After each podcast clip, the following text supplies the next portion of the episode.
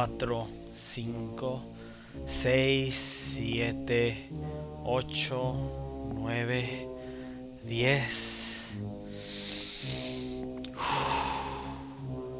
Ok, ya conté hasta 10. Ya estoy un poco más tranquilo. Así es que ahora sí podemos empezar con este podcast. En esta ocasión, quiero hablarles de una realidad que estamos viviendo en casi todo el mundo, pero que fácilmente pasa desapercibida en nuestras agitadas y aceleradas vidas. Hoy les quiero hablar de nuestro imperio. Sí, digo nuestro imperio, porque todos los que escuchamos este podcast vivimos en él. Digo, a menos que haya güeyes que me escuchan en Rusia, China o Irán, que la verdad lo veo medio cabrón. Así que dejando de lado mis aspiraciones de fama en el mundo oriental, puedo decir con confianza nuestro imperio. ¿Y cuál es ese imperio? Ustedes se preguntarán. Si el imperio austrohúngaro ya desapareció, y también desapareció el imperio azteca, y el bizantino, y el de Alejandro el Grande, y el imperio francés, y el holandés, y el mongol, y el otomano, y el persa, y el romano, y el griego, y el ruso, y hasta el vikingo. ¿De qué fucking imperio estoy hablando? Pues del que nos tocó vivir a nosotros, el imperio americano, o el gringo, o gabacho, o yankee, no importa cómo le quieran llamar. Ese mugroso imperio que nos tiene a todos controlados. ¿Cómo? Ah, momentito. Antes de que les conteste cómo, me parece que es más pertinente establecer lo que es un imperio. Un imperio es un estado que extiende su dominio sobre poblaciones cultural y étnicamente distintas a las de la cultura y etnicidad en el centro del poder. Actualmente se entiende como imperio no solo un estado que abarca varias naciones étnicas, sino todo estado que influye sobre la soberanía de otros estados, no solo aprovechándose de ellos en el sentido del colonialismo inglés, francés u holandés, sino conformándolos según su propia imagen. ¿Les suena parecido? ¿No? Ah, bueno, pues ahora les voy a dar unos cuantos ejemplitos. Por ejemplo, hablemos de las marcas de ropa que utilizan. En su mayoría son gringas. Los programas de televisión que ven, gringos. Los deportes, gringos. Las películas que ven en el cine, gringas. Los restaurantes de comida rápida favoritos, gringos. Las elecciones que vieron más que las de su país, gringas. Y es que los Estados Unidos han conquistado al mundo de diferentes formas. En algunos lugares les tocó a la antigüita, fueron conquistados por la fuerza, chingadazo, más bien a bazucazos. Si no me creen, solo basta con preguntarle a los afganos y a los iraquíes, digo, solo para citar algunos de los ejemplos más recientes. En otros países, sin embargo, no fue necesario utilizar la fuerza física. Estados Unidos utilizó su fuerza económica, obligando a países a abrir sus fronteras al comercio e industrias americanos. Ejemplos de esto son McDonald's, Burger King, Nike, Gap, Costco, Walmart y otros, ¿no? Hay un montón. En otros países, la fuerza que utilizaron fue cultural, entre comillas, cultural. O sea, transmitiendo los programas y deportes americanos en la televisión del país a ser conquistado. De esa forma idiotizan a la gente y la manipulan y solamente los convierten en un producto más que lo único que aspira a ese producto es adquirir otros productos, a, comprar más y más. Y lo único que quiere esa persona es adquirir más y más productos. Pero la mayoría de estos países que hoy en día están dominados por la cultura, economía e influencia americana no han sido conquistados solamente de una forma. La mayoría son dominados por más de un aspecto de este imperio americano. Ahora les voy a dar unos ejemplos de este dominio para que se den cuenta de lo que está pasando en verdad. Empecemos por la parte económica. Cada día nos afecta más y más la paridad del dólar frente a nuestras monedas. La compra de muchos bienes muebles e inmuebles se hace en dólares, aunque vivamos en países cuya moneda nacional y oficial es otra. Pagamos renta en dólares, nuestros viajes se pagan en dólares, el petróleo se compra y se vende en dólares, aunque existen otras monedas que son más fuertes y más estables que el dólar, ¿ok? Las reservas monetarias de los países son en dólares. Es más, países como Ecuador, El Salvador y Panamá sustituyeron sus monedas nacionales por el dólar americano. Culturalmente, estamos dominados completamente por la pseudocultura americana. Primero, empecemos con lo más molesto de todo, los pinches anglicismos. Les voy a dar unos ejemplos si son los peores. Una persona que dice, traducido directo del inglés, pero así se dice hoy en día en español. Asumo que sí va a ir a la fiesta, que está traducido de I assume he's going to go to the party, en lugar de decir supongo que sí va a ir a la fiesta, en vez de asumo. Traducción literaria del inglés, anglicismo, barbarismo. Otra. Y entonces realicé que había dejado mis lentes. Una traducción garrafal de I realized then I had left my glasses. En lugar de y entonces me di cuenta que había dejado mis lentes. O sea, en vez de decir me di cuenta, empiezan a decir ahora realicé. Todo eso es culpa de la televisión y de las películas directamente, traducciones de lo que la gente ve en la televisión y ahora lo hablan en español igual. Pero ¿saben qué? Les voy a dar el mejor ejemplo. Voy a fusilarme del señor Trujo, que hace un excelente podcast. Eh, él dio el mejor ejemplo de cómo la gente utiliza estos anglicismos de forma terrible en el español. Así es que con permiso de Trujo y sin tratar de ofender o de piratearme nada, aquí pongo este pedacito, se lo atribuyo a Trujo para que después no vayan a decir que soy pirata. Ay, sexo consensual. Mmm, interesante, interesante viene de la expresión en inglés consensual sex, de la palabra consent, o sea, consentir, aceptar. Digo, no, no se me ofendan porque estoy traduciendo, no lo hago con el afán de parecer como que nadie me comprende, sino como una forma de reafirmar lo que siempre he aborrecido. Esas formas de lenguaje que terminan aceptando en la Real Academia de la Lengua solo por el hecho de que millones de personas repiten repiten esas frases, repiten las palabras. No importa que hablen como el nabo. Si lo dicen millones, se acepta como un modismo, un anglicismo, que tendrían que ser llamados en un principio barbarismos, porque la verdad es que qué bárbaros. Por ejemplo, uno de los primeros de los que aborrecí en mi vida es terapista puta madre, ¿cómo, ¿cómo odio a la gente que dice por aquí y por allá? Ay, fui a mi cita con la terapista terapeuta, cabrón, terapeuta, bola de burros, terapeuta. Terapista viene de therapist y está en inglés, en español es terapeuta. Busquen en el diccionario, carajo. Ya aparece en la comadrita esa que se vino de trabajar de mojada hace años y todo lo dice así de, ay. ¿Qué pasó, Mari? Are you? ¿Cómo están los babies? Ya ven grandotes, ¿verdad? Pues fíjate que pasé a la marqueta. Rete bien temprano porque los pampers de mi baby estaban en sale y que me compro tres packages, pero a la hora de la salida ya me habían puesto un tiquete, que porque no le había echado suficientes coras a la cosa esa, la, la cosa esa del tráfico, ya sabes, y si no le corro, pues hasta se llevan la troca, ya la estaban levantando, y ahí me tienes, corre, corre, y grite, grita, no, officer, please, officer, pero pues sí, yo babosa por no parquear la troca ya en el parqueadero de la marqueta, ay, pero es que luego está bien full, bueno, bueno, cuando oigas el mensaje me llamas para atrás, ¿eh? Bye. Digo, nada más como ejemplo. Bueno, y eso solo en cuanto al lenguaje. Porque si hablamos de música, bueno, ahí sí no hay duda, ¿no? La música en inglés se escucha en todos lados, en todo el mundo. La televisión que consumimos en su mayoría es americana.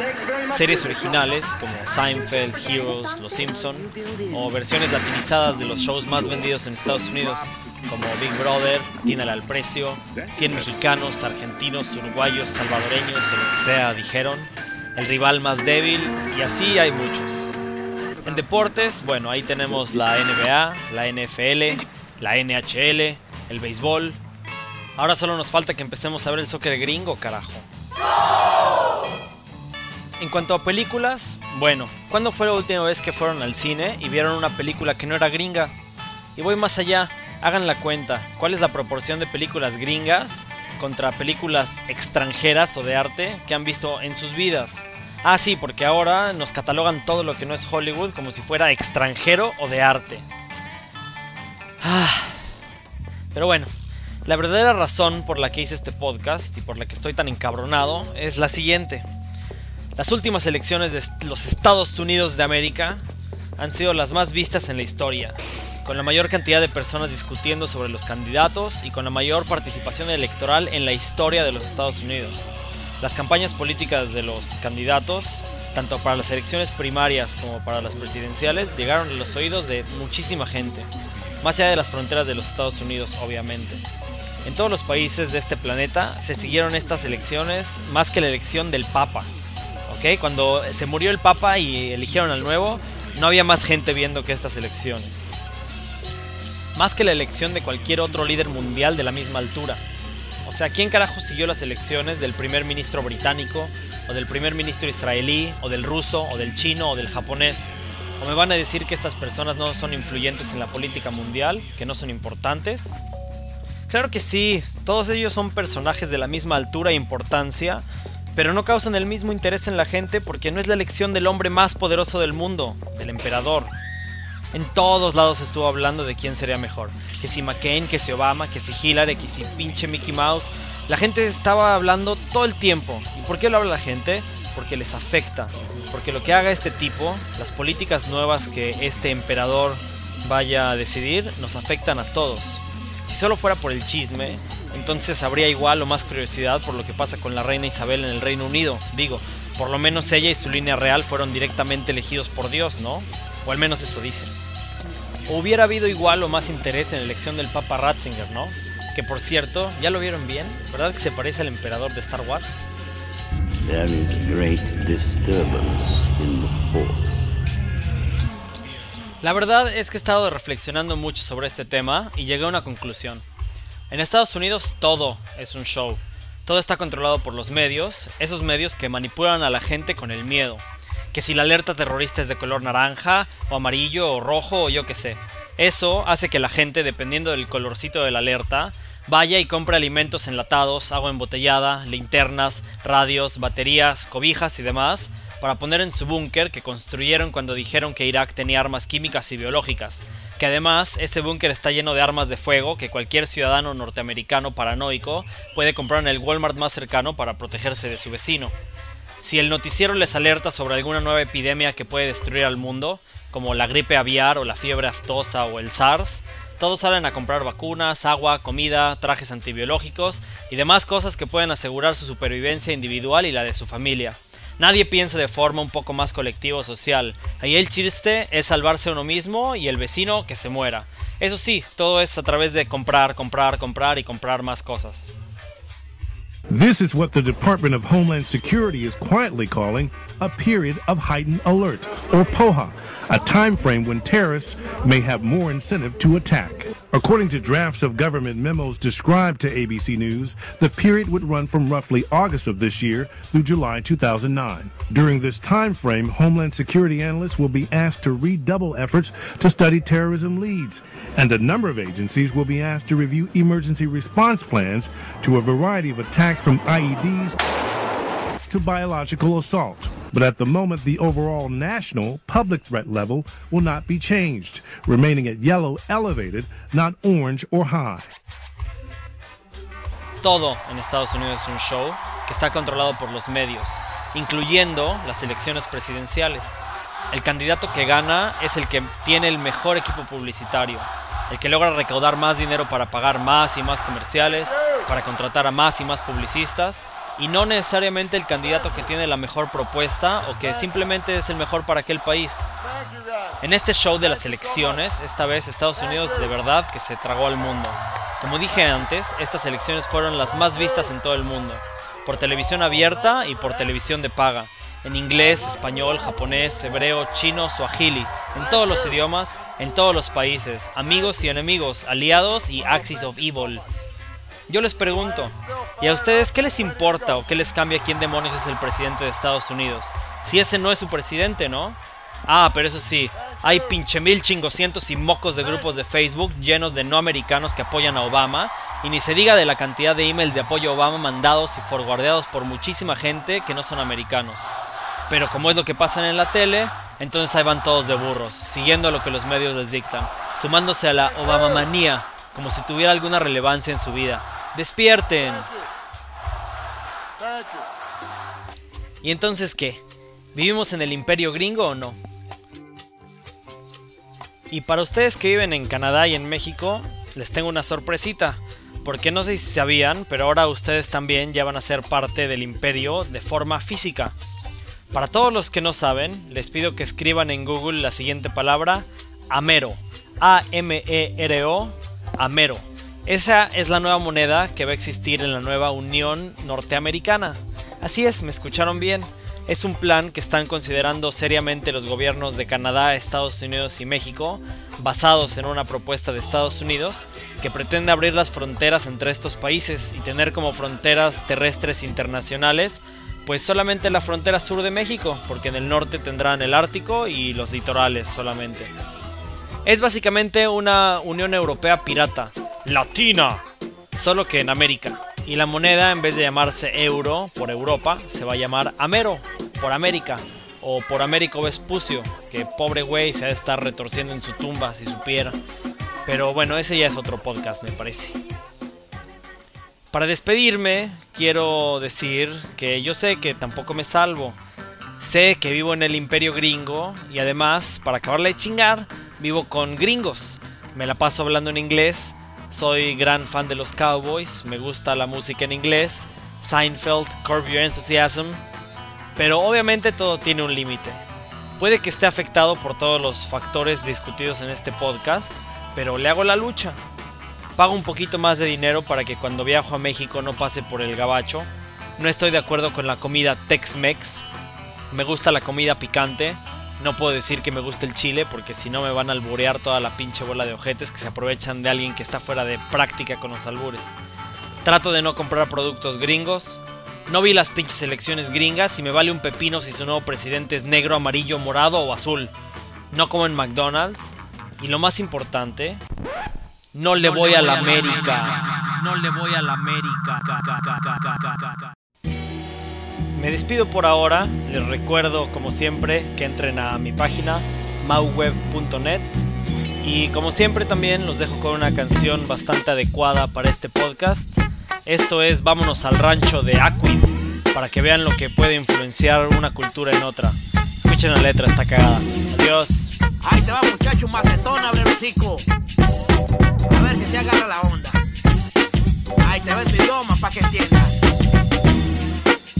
A ver si así agarra la onda, muchacho. Mira, muchacho, no me haces caso. Regañándote el día entero me lo paso. Apaga ese aparato, me está desesperando. Esa mendiga música de perros ladrando. Ayudas en la casa, no quieres trabajar. Y ni siquiera bueno eres para estudiar. Ni siquiera para eso sirve. Ya no estoy regañando, o sea, todo le molesta La música que escucha, la ropa que llevo puesta Con quien me junto, qué es lo que hago